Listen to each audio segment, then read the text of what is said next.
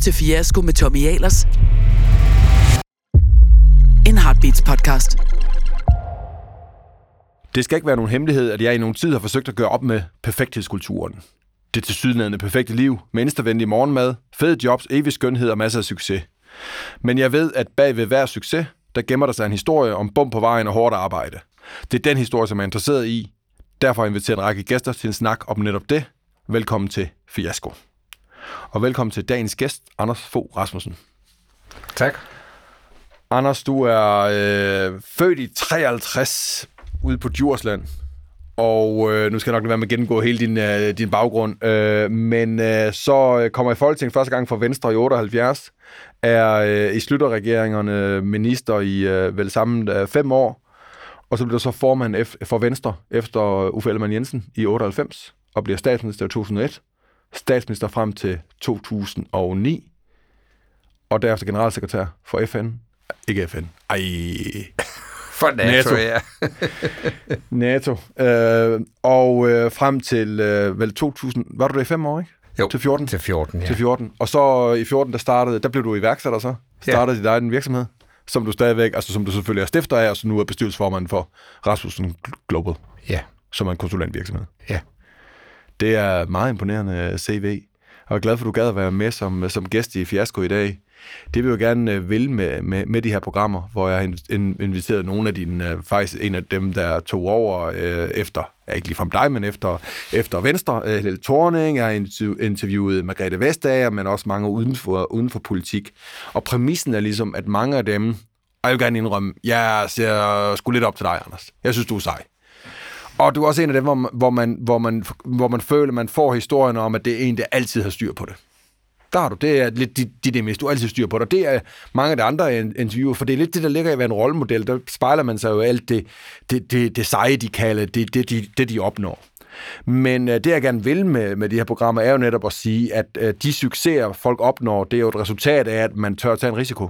Man tør at bruge uden for mængden. Man tør at stikke hovedet frem, få nogle tæsk en gang imellem. Men også tør at gøre noget, hvor ikke alt det, man gør, bare bliver til en, øh, bare bliver til en succes. Øh, fordi det kan godt være sådan, det ser ud lidt på afstand, men sådan er det når- ikke, når man er inde i det. Så det er egentlig den samme snak, jeg gerne vil have med dig øh, her i dag. Og øh, jeg håber, det er i orden, jeg lige sådan... Da, da vi første gang i telefonen snakkede om, hvor jeg skulle prøve at overvise dig om at, at stille op til det her program, så var din umiddelbare reaktion om at sige, jamen jeg har da ikke nogen fiaskoer. det synes jeg faktisk var lidt sejt. Og det var også fordi, fiasko lyder også ret vildt. Ikke? Det er jo nærmest en konkurs eller et eller andet, at man har været skyldig i, at, øh, at et eller andet gik øh, helt, på, helt, på, øh, helt galt. Og det, det vi så snakkede om der, det var... Men jeg synes bare, det var sjovt, fordi det er egentlig også sådan, jeg ser dig. du har jo ikke nogen fiasko, det har jo gået fint for dig. Men, men når vi så snakkede videre om det, som, som forberedelse til det her, så bad vi os om og så prøv at pege på et eller andet, som, som vi kan bruge som afsæt til at snakke om det her tingene. Altså tingene godt nogle gange, at man i hvert fald mister kontrollen, og tingene måske går, går, lidt, går lidt vildt for sig. Og da, øh, da det, du sådan øh, har fremhævet i din tid, som, som stammer fra din tid som, som statsminister, det er, øh, det er Mohammed-krisen Mm. som var en øh, svær tid øh, for, for at være statsminister, en svær tid for, for Danmark. Kan du ikke lige til en start øh, lige, øh, fordi der sidder nogle lytter derude, der måske ikke helt, desværre, selvom vi jo gerne skulle være standard pensum derude, mener jeg, men desværre ikke helt ved, hvad Mohammed-krisen gik ud på. Så kan du ikke lige prøve at give opridset af, hvad der egentlig skete der, og så kan vi snakke videre. Jo, det kan vi godt. Altså, det er jo rigtigt, ja. Min første reaktion var, jamen, fiasko, jeg er svært ved sådan lige at, at huske, øh, at der skulle være egentlige fiaskoer. Øhm, men du har fuldstændig ret i, at undervejs kan man være meget usikker. Man ved ikke, hvordan udfaldet øh, det nu bliver. Og derfor så faldt jeg over øh, øh den såkaldte Muhammed-krise som en sag, der var fuldstændig uden fortilfælde. Der var intet, man kunne gå ud fra, og jeg vidste ikke, hvordan det ville ende. Øh, så det vil jeg godt lige prøve at snakke lidt om. Ja. Øh, og Muhammed-krisen skyldes jo, at øh, Jyllandsposten, avisen Jyllandsposten, offentliggjorde 12 karikaturtegninger af profeten Muhammed den 30. september 2005.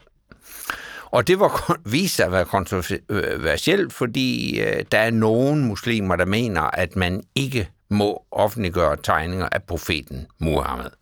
Og det var lige præcis det, Jyllandsposten gerne ville vise med at, at, at offentliggøre de øh, 12 karikaturtegninger, fordi, sjovt nok, to uger tidligere, der havde Dagbladet Politikken skrev en artikel om, at en forfatter, der hed Kåre Blytken, ikke havde besvær med at finde tegnere til at illustrere en bog om profeten.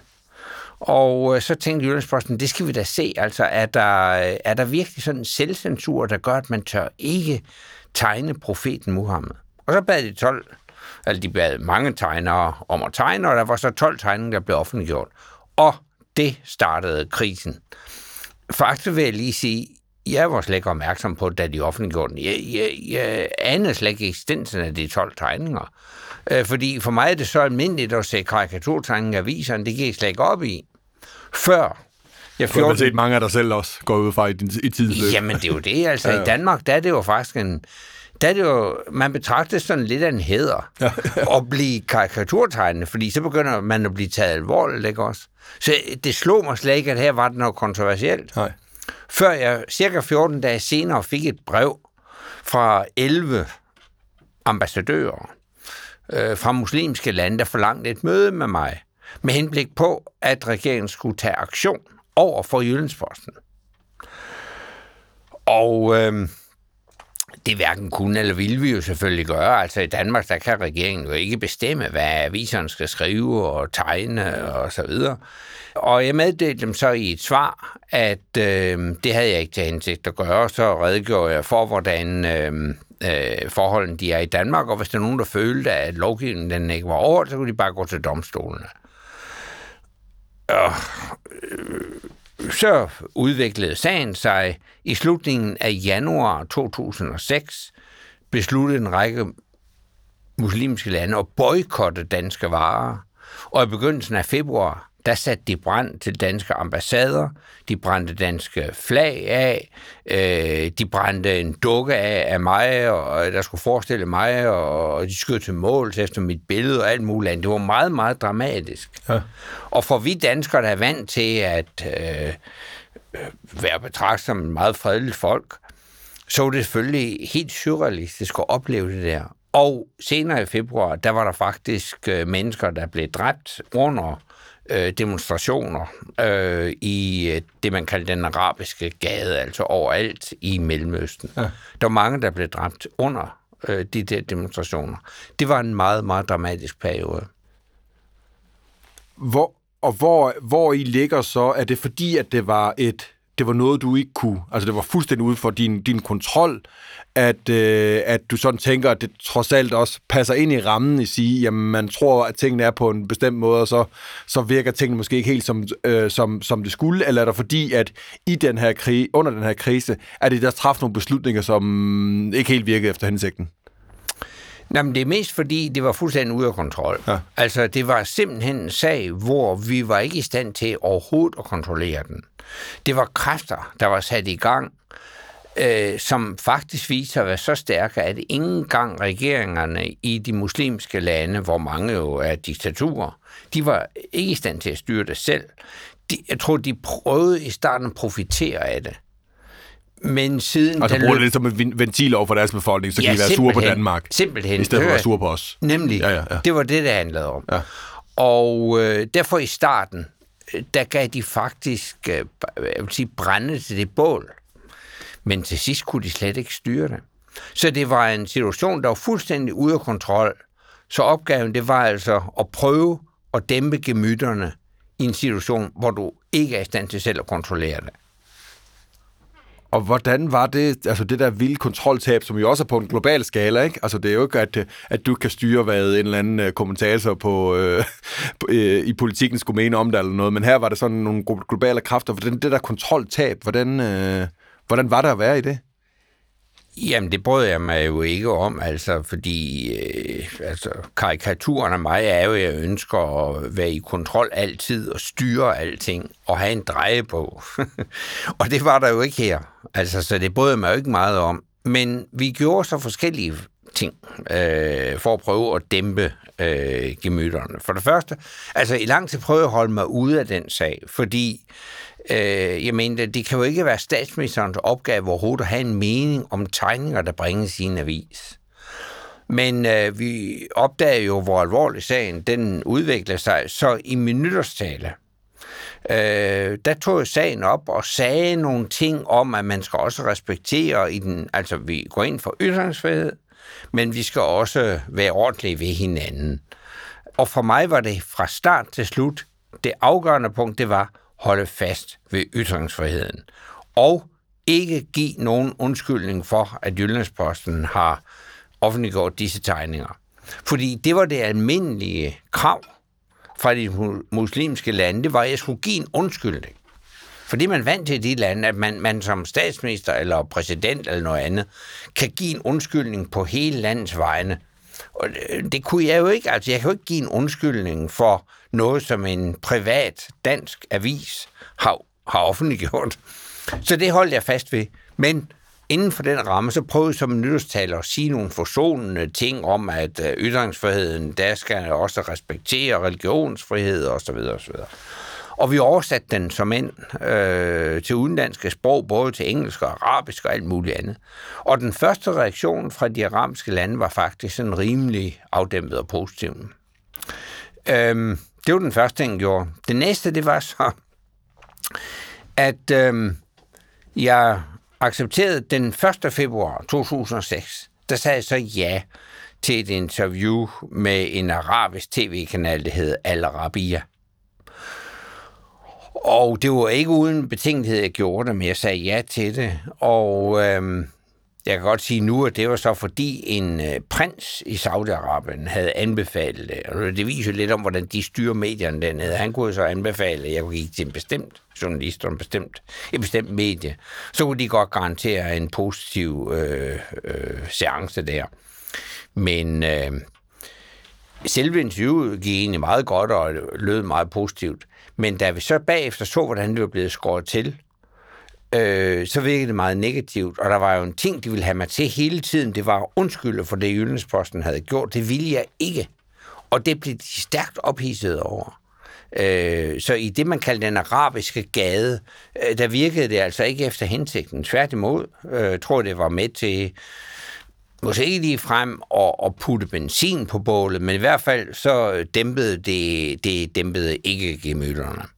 Og hvad var det, du havde håbet at opnå med at stille op til interviewet? Fordi du vidste vel godt, var det fordi, du troede på den ja. saudiarabiske prins, om at det faktisk kunne hjælpe Jeg med tror... at forklare vores øh, holdning? Absolut, yes. absolut. Ja. Og det måtte vi bare konstatere, det gjorde det ikke, fordi i dagene derefter var det så, at de satte brand til vores ambassade i øh, Damaskus, vores konsulat i Beirut, og de brændte flag af, og mig af, og alt muligt andet. Så det virkede overhovedet ikke. Så det sidste, jeg så gjorde, det var den 7. februar, så tænkte jeg, det her, det må have en ende. Altså, det er jo fuldstændig ude af kontrol, og der kan jo, altså, verden over kan demokratierne jo ikke bare se passivt på, at de begynder at brænde vores ambassader af. Mm. Så jeg ringede simpelthen til George Bush, den amerikanske præsident, som jeg havde et ret godt forhold til. Har et godt forhold til. Så jeg ringede til ham og sagde, det, det må have en ende. Og... Øh, Miraklet skete så et par dage senere, så blev der ro. Og det viser jo også lidt om, altså, at amerikanerne har nogen indflydelse, ikke bare i Saudi-Arabien, men generelt i Mellemøsten. Så det hjalp altså at have den særlige forbindelse til USA, ja. øh, som gjorde, at han så kunne sige, nu må det altså stoppe det her. Så ringe til Storbror. Ja, simpelthen. ja. Hvad, hvad, tror, hvad, tror du, hvad tror du helt, helt, ved du, hvad de konkret gjorde? Altså, var det, var det at, diplomati, altså hvor de har haft fat i nogen og sagt, det der, det går ikke? Ja, altså ja. de har jo simpelthen sagt til regeringerne, I kan ikke regne med vores støtte, hvis ikke det er det for en ende. Nej. Øh, og, og, og de pågældende regeringer kunne jo også godt selv se, at det var kommet fuldstændig ud af, af deres hænder. Altså det var fuldstændig ud af kontrol. Og store mufti og imamer, ved ikke hvad, de brugte jo fredagsbønnen øh, til at hisse øh, masserne op mod deres egne regeringer, mod Danmark det var jo sådan i den periode, at vi lyttede jo opmærksomt til fredagsbønnen. Hver eneste fredag, så skulle, så skulle vi jo finde ud af, hvad sagde de nu? Ja.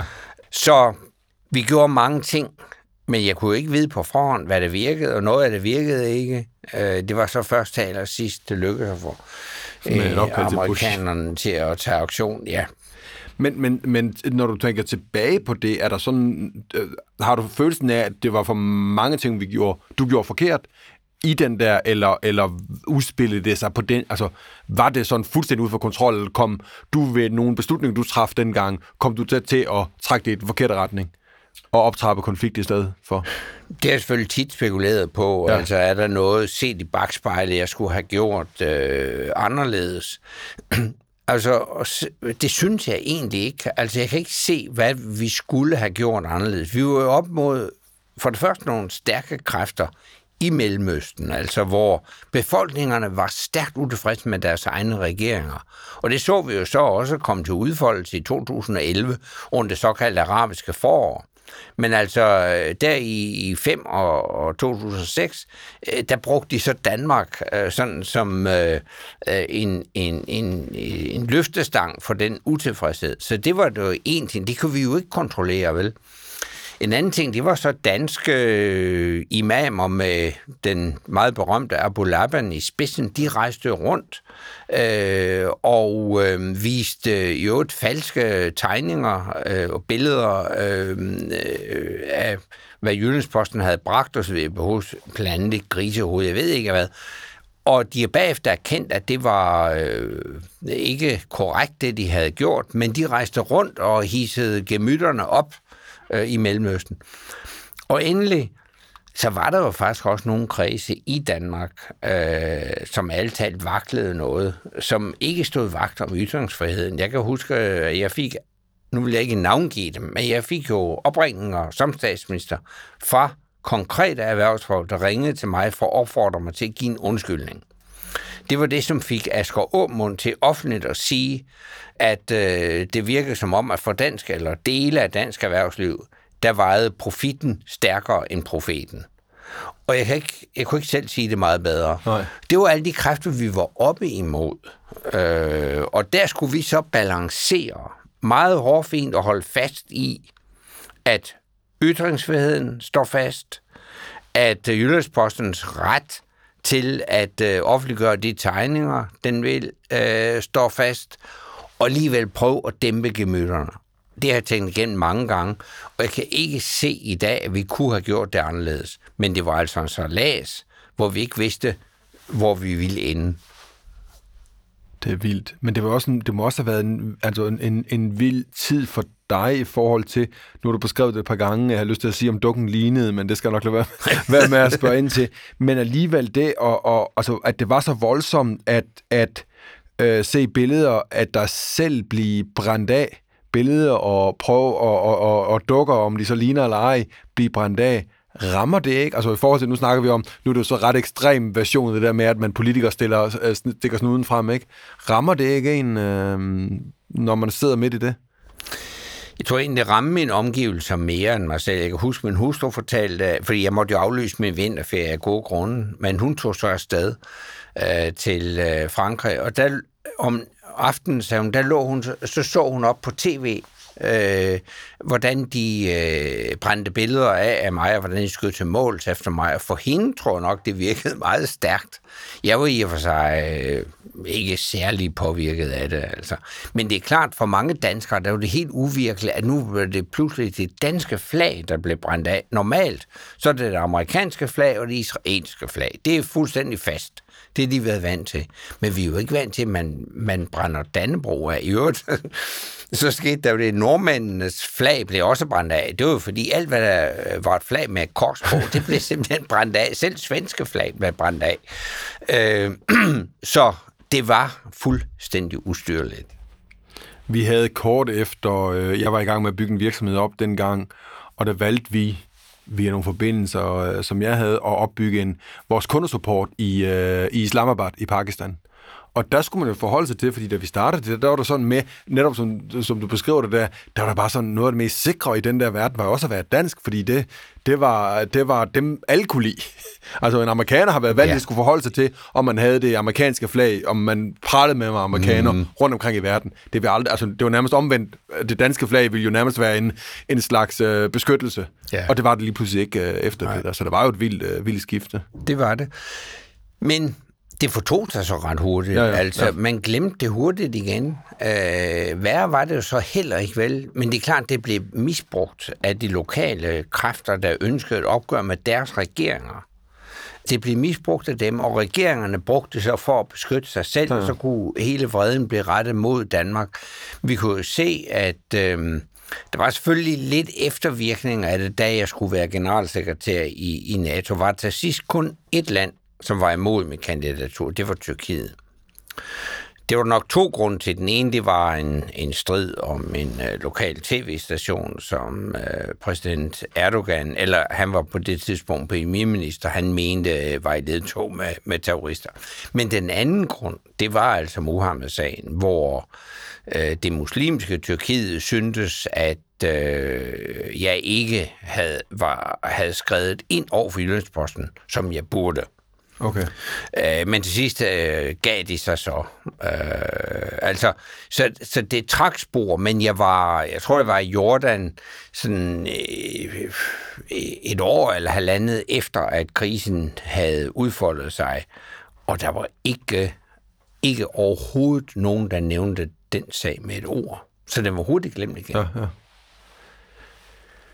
Nu nævnte du selv, Anders, øh, hvis vi lige sådan hopper lidt videre, øh, du nævnte selv, at det er en, øh, hvad brugte ordet, øh, karikatur på dig, at det der med, at du gerne vil have kontrol, og du har en, en, en drejebog, som sådan udefra betragter på politik, så kan jeg i hvert fald øh, sige, at det også er, er min opfattelse. Men kan vi ikke, er det rigtigt? Vil du gerne være i kontrol, og som i forlængelse af det, vil du, det her er jo et vildt kontroltab, som du så havde i den her situation, fordi du prøver nogle ting, altså Hvordan havde du det med det kontroltab, og er det noget, man bare vender sig til?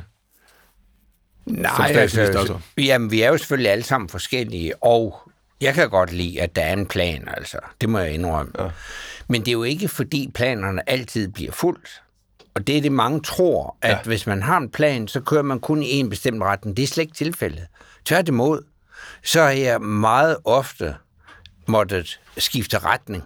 Men jeg har det sådan, det er nemmere at skifte retning og nå sit mål, hvis man har en plan, og hvis man ved, hvor der er, man vil hen, så sker der ikke noget ved, man undervejs tager nogle afstikker. Det er jo ligegyldigt. Hmm. Fordi man ved, hvad det er, man afviger fra. Præcis. Men hvis du ikke har nogen plan, jamen, så ender du et helt andet sted måske, end det du regnede med. Og øh, det er derfor, jeg synes, at en plan, den er meget god her. Jeg bryder mig aldrig om at miste kontrollen. Øh, så øh, det var en udfordring derfra, specielt fra jeg vil sige specielt i begyndelsen af 2006, øh, der var nogle måneder der, hvor jeg synes, at øh, det var en udfordring ud over det sædvanlige, og jeg vil nok sige, at jeg tror, det korrekt opfatte den krise som den værste udenrigspolitiske krise, Danmark har stået i øh, siden 2. verdenskrig. Og du kunne vel ikke lave en plan i denne situation? Nej, det var fuldstændig umuligt. Altså, der... Prøv, prøvede du at lave en plan?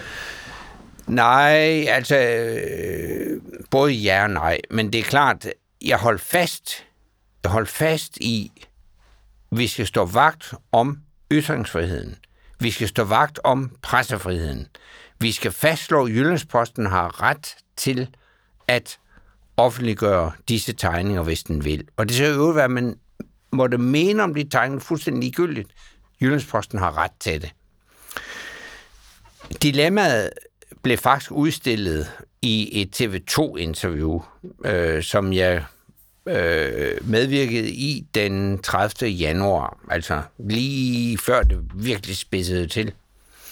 Fordi jeg havde indtil da holdt mig på afstand af hele debatten, og havde overhovedet ikke udtalt mig om, hvad jeg mente om tegningerne.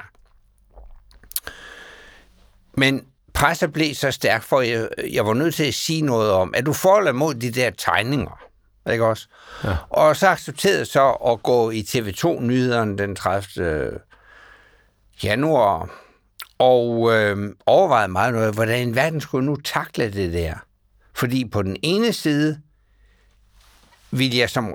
Jeg synes ikke, at regeringen kunne have nogen mening om de tegninger. Altså, regeringen som sådan kunne ikke udtale sig om, den var for eller mod tegningerne. Men selvfølgelig kunne jeg godt personligt sige noget, hvad jeg mente om de der tegninger. Så, så det gik jeg tumlede meget med. Vi holdt møder i statsministeriet, og øh, jeg var, kan jeg godt sige nu, til det sidste sekund, før jeg gik på i TV2-nyhederne, i tvivl om, hvad jeg egentlig skulle sige. Og det er meget sjældent. at jeg ikke på forhånd er fuldstændig klar over, hvordan jeg vil angribe en sag. Men her endte jeg så med, og det mener jeg stadig var det rigtige at sige, jeg starter med at sige, regeringen som regering har ingen holdning til de der tegninger. Men jeg kan godt sige, personligt vil jeg aldrig tegne hverken profeten Muhammed eller Jesus eller nogen anden øh, på en måde, der kunne krænke andre menneskers følelser. For det mener jeg nemlig. Ja. Men sagde jeg så for det tredje, men jeg vil til det sidste fastholde Jyllandspostens ret til at offentliggøre tegningerne. Det var de tre ting, jeg gjorde. Slå fast ytringsfrihed og pressefrihed. For det andet personligt vil jeg ikke tegne på den måde, men Jyllandsposten har ret til at offentliggøre de tegninger. Og øh, det var sådan en balancegang, og den blev faktisk umiddelbart på, øh, modtaget meget positivt øh, på Christiansborg. Det lyder også meget, meget klogt. Det gjorde det både dengang udefra, og også når du genfortæller det nu. Jamen altså, det var jo svært, øh, fordi nu, nu kan jeg jo slet ikke tegne, men altså, øh, men, men øh, det var det er også korrekt, altså, jeg ville sådan set aldrig øh, tegne den slags karikaturer af religiøse øh, figurer på en måde, øh, som andre mennesker vil føle sig øh, krænket af. Men jeg vil til, en, til min dødsdag forsvare andres ret til at gøre det, og offentliggøre sådan nogle tegninger. Ja. Det er det, det handler om. De kan jo have et motiv for det, som de jo så havde i den her konkrete, som Jamen. er, at de, altså det, det, og de behøver ikke engang de må godt gøre det. Jamen Punktum. præcis. Altså, det, er det, det er legitimt. Og, og dengang var der danskere, øh, som hævdede, at det her handler ikke om ytringsfrihed, men det handler om respekt for religion og respekt for andre mennesker osv. Men at det handler om ytringsfriheden, det synes jeg senere er blevet klart demonstreret. Ja. Vi så i Frankrig Med parti- angreb ja. på, ja, vi så selvfølgelig halshugningen af ja. parti, læreren, øh, men vi så også angreb på Charlie Hebdo, Ja. som jo øvrigt var et af de udenlandske medier, der genoptrykte de 12 mm. øh, tegninger og selv. Jo, under, altså, de, de gør jo grin med alle mulige ting. Altså, politikere, religion, alle autoriteter bliver udsat for, for spot og spe og satire i øh, Charlie Hebdo. Um, men det fører så også til et angreb på dem. Og det er selvfølgelig klart, det er angreb på ytringsfriheden. Det er det, det handler om. Og der er vi altså nødt til at stå benhårdt fast.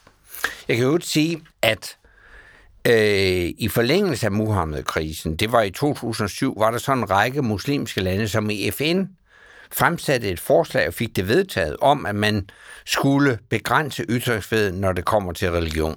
Det var muslimske lande, der stod bag det. Og, og den blev vedtaget. Jeg sagde med det samme, den resolution er ikke bindende, og Danmark vil overhovedet ikke rette sig efter den, fordi ytringsfriheden er så vigtig en del af, af vores samfund. Den er forudsætningen for, at vi får fremskridt og fornyelse, vi kommer af med vores regering, hvis vi ikke bryder, om den, bryder os om den osv. Og efter det arabiske forår i 2011, der har de muslimske lande fuldstændig opgivet den der kamp. Ja. Men det handlede altså i høj grad om ytringsfriheden. Ja. Og der står Danmark efter min mening rigtigt i dag som en bannerfører for ytringsfrihed og pressefrihed. Det er jeg meget stolt over. Det kan jeg forstå. Så det var meget svært, men øh, resultatet synes jeg egentlig var, som det skulle være.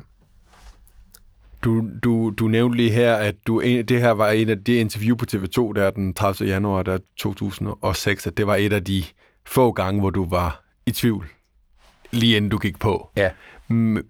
Er du aldrig, altså når, når du sådan nogle gange, når de store beslutninger, du skal, øh, skulle træffe den gang, også nu, når du driver virksomhed, er du, er du aldrig i tvivl? Jo, det er faktisk ret tit ja. i tvivl. Og faktisk så lytter jeg også utrolig meget til øh, kritik, og retter mig efter den, og ændrer mine ting, der hvor jeg synes, kritikken den var berettiget. Det er der mange, der ikke tror. Altså, jeg er jo blevet kendt for at lægge ind sådan en karikatur, ja. hvor jeg øh, siger, der er ikke noget at komme efter. Men det er jo ikke det samme, som jeg ikke var i tvivl inden.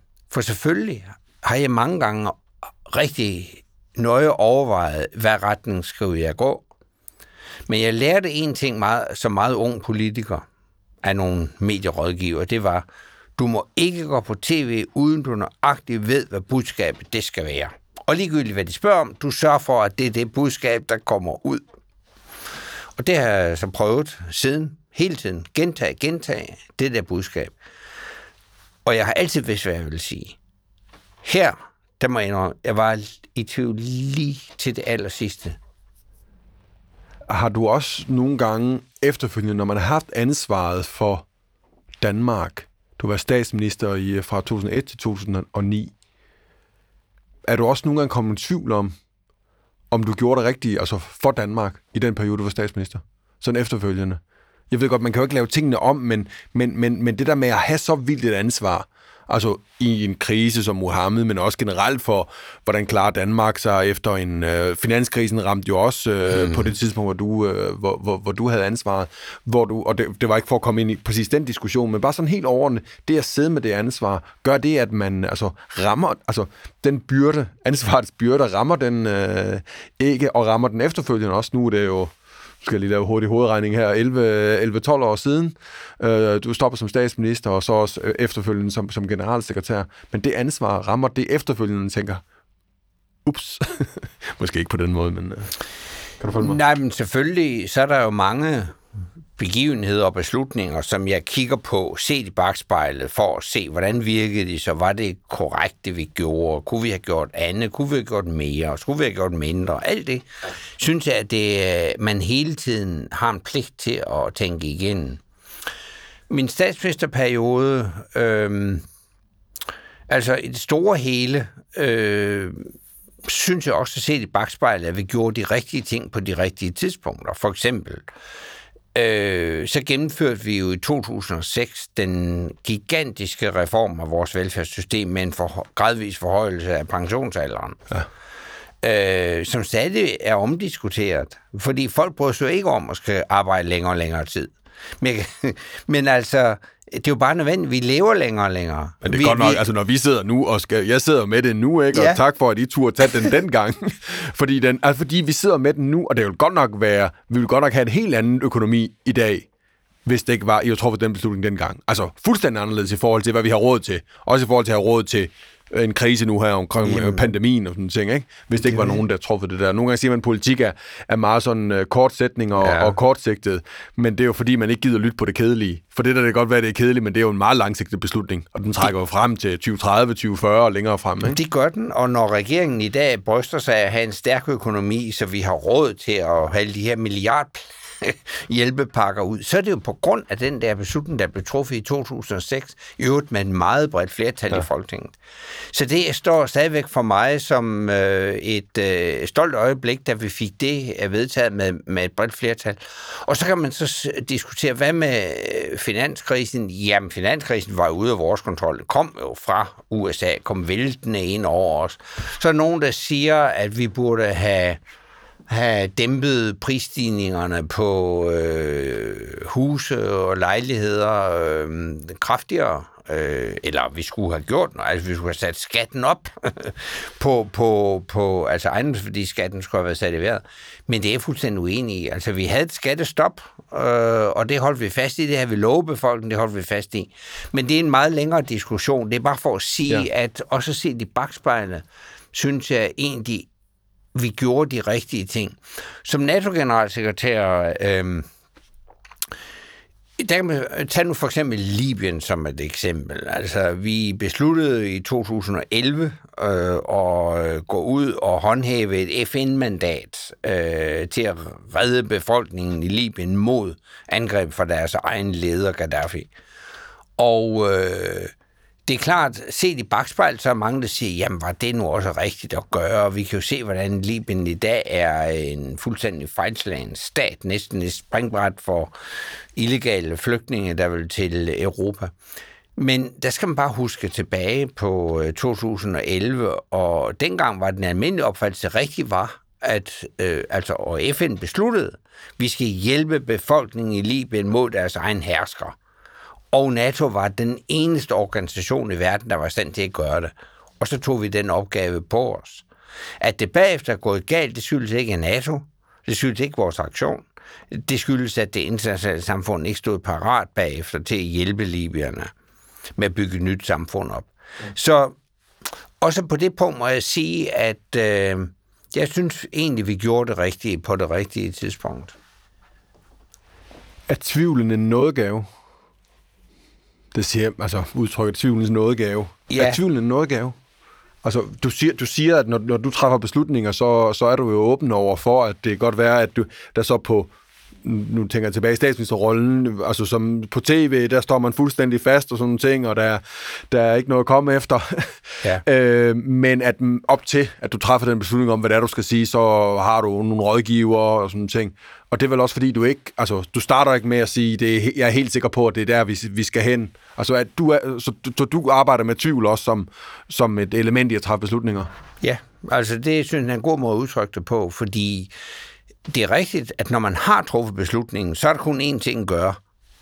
Vise, at det var det rigtige, og den står vi fast på.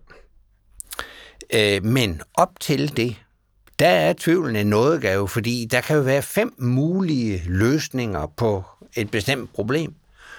Øh, og så skal man øh, være åben, synes jeg, over for at overveje de der forskellige muligheder. Og i politik skal man også tage hensyn til sine samarbejdspartnere mm. og så videre. Øh, jeg kan nævne som eksempel, at min plan den blev fuldstændig forpurret øh, i øh, 2007. Øh, der havde jeg planlagt et hurtigt valg øh, lige efter sommerferien 2007.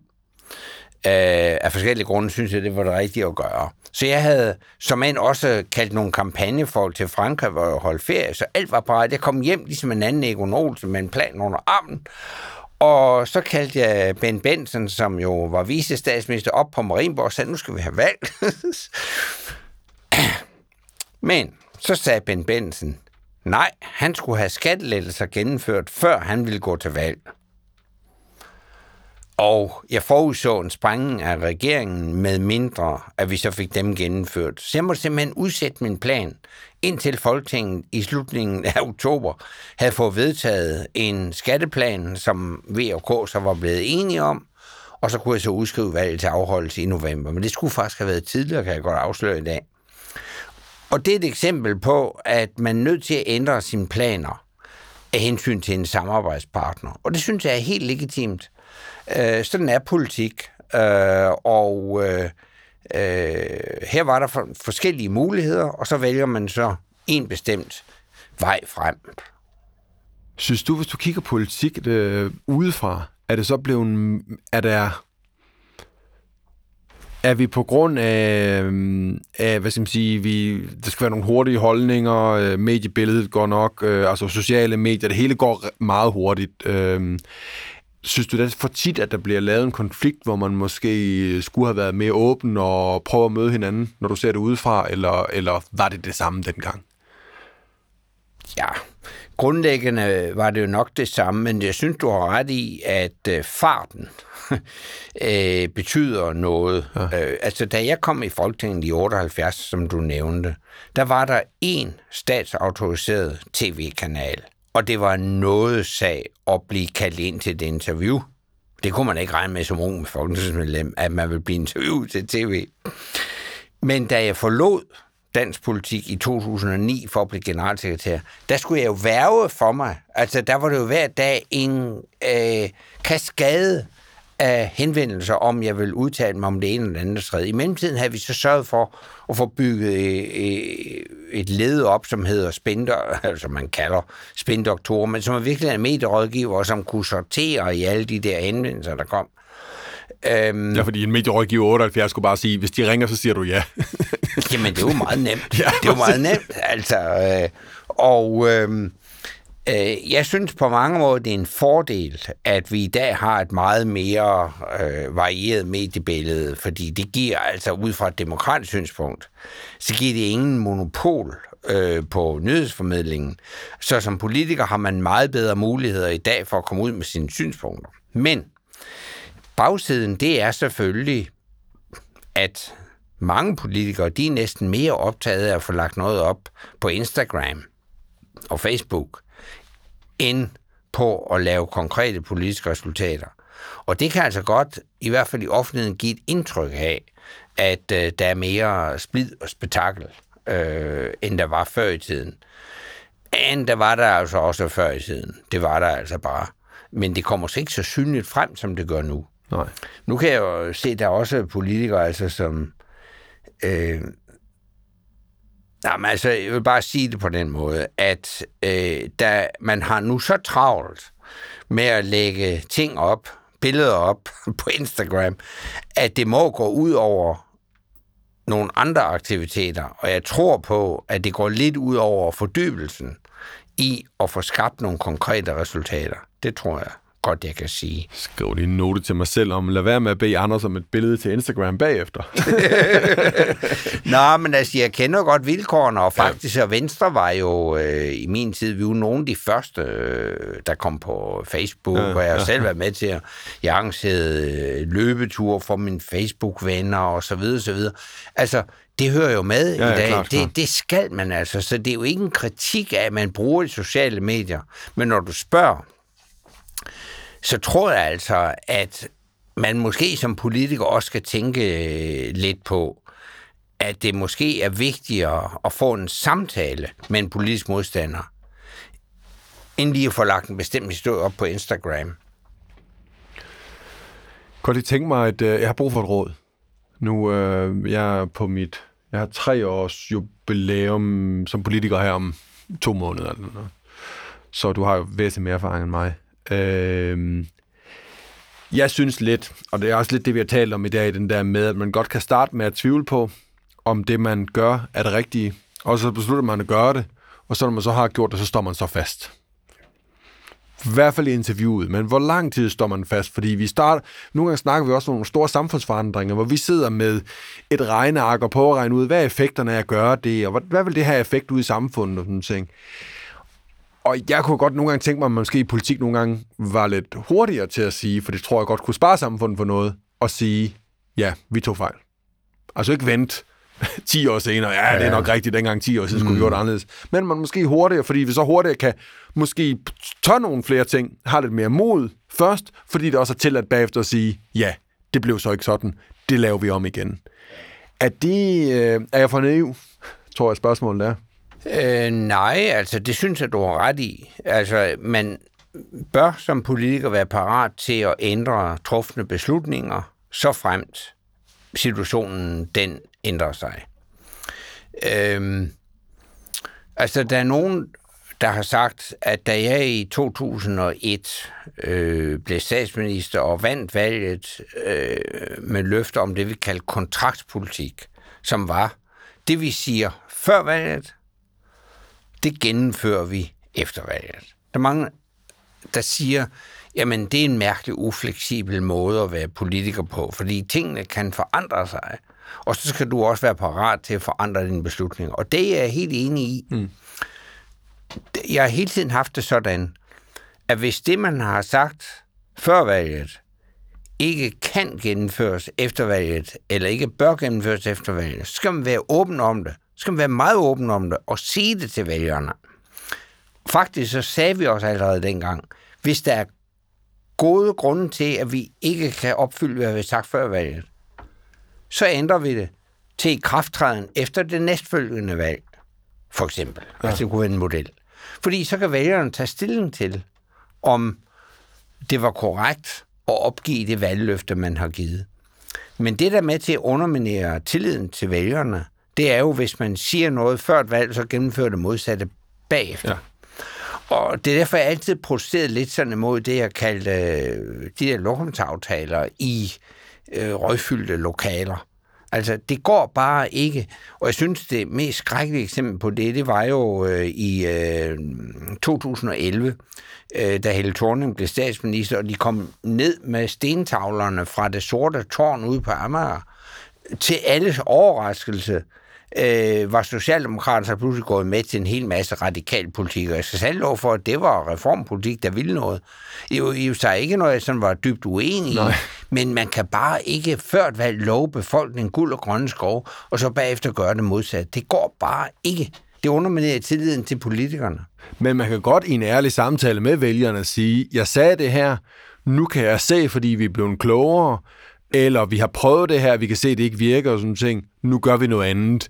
Men det skal så også bare være den der ærlige samtale, og så skal man i det mindste have forsøgt at prøve det, man gerne ville, og så må man jo indrømme, hvis det ikke virkede. Eller Det- havde nogle, u- u- altså, havde nogle konsekvenser derude, som ikke var de rigtige. Ja, og det er jeg fuldstændig enig i. Den ja. måde, man skal gøre det på. Og jeg tror, problemet det er, at mange politikere i den situation mangler modet til at være ærlige. Ja. Fordi vælgerne kan godt forstå det. Ja. Altså, vælgerne er ikke så dumme. De kan godt forstå det. Øh, så ja, du bærer om et råd, og mit råd er, ja, det er sådan, man skal gøre det. Okay. Tak, det vil jeg så følge. Anders, øh, tiden er desværre løbet. Vi, øh, vi kunne snakke øh, rigtig lang tid. Det var meget, meget, meget spændende. Tusind tak, fordi du gad at, at, at være med. Og jeg tror, det var mange, der synes, det var fedt at høre, at øh, Anders Fogh Rasmussen, med, der altid har en plan, og der aldrig er noget at komme efter, også øh, tvivler, og nogle gange er usikker, men også tør at, øh, at tage et valg en gang imellem, og så gennemføre tingene. Tak, fordi du var med. Ja, selv tak.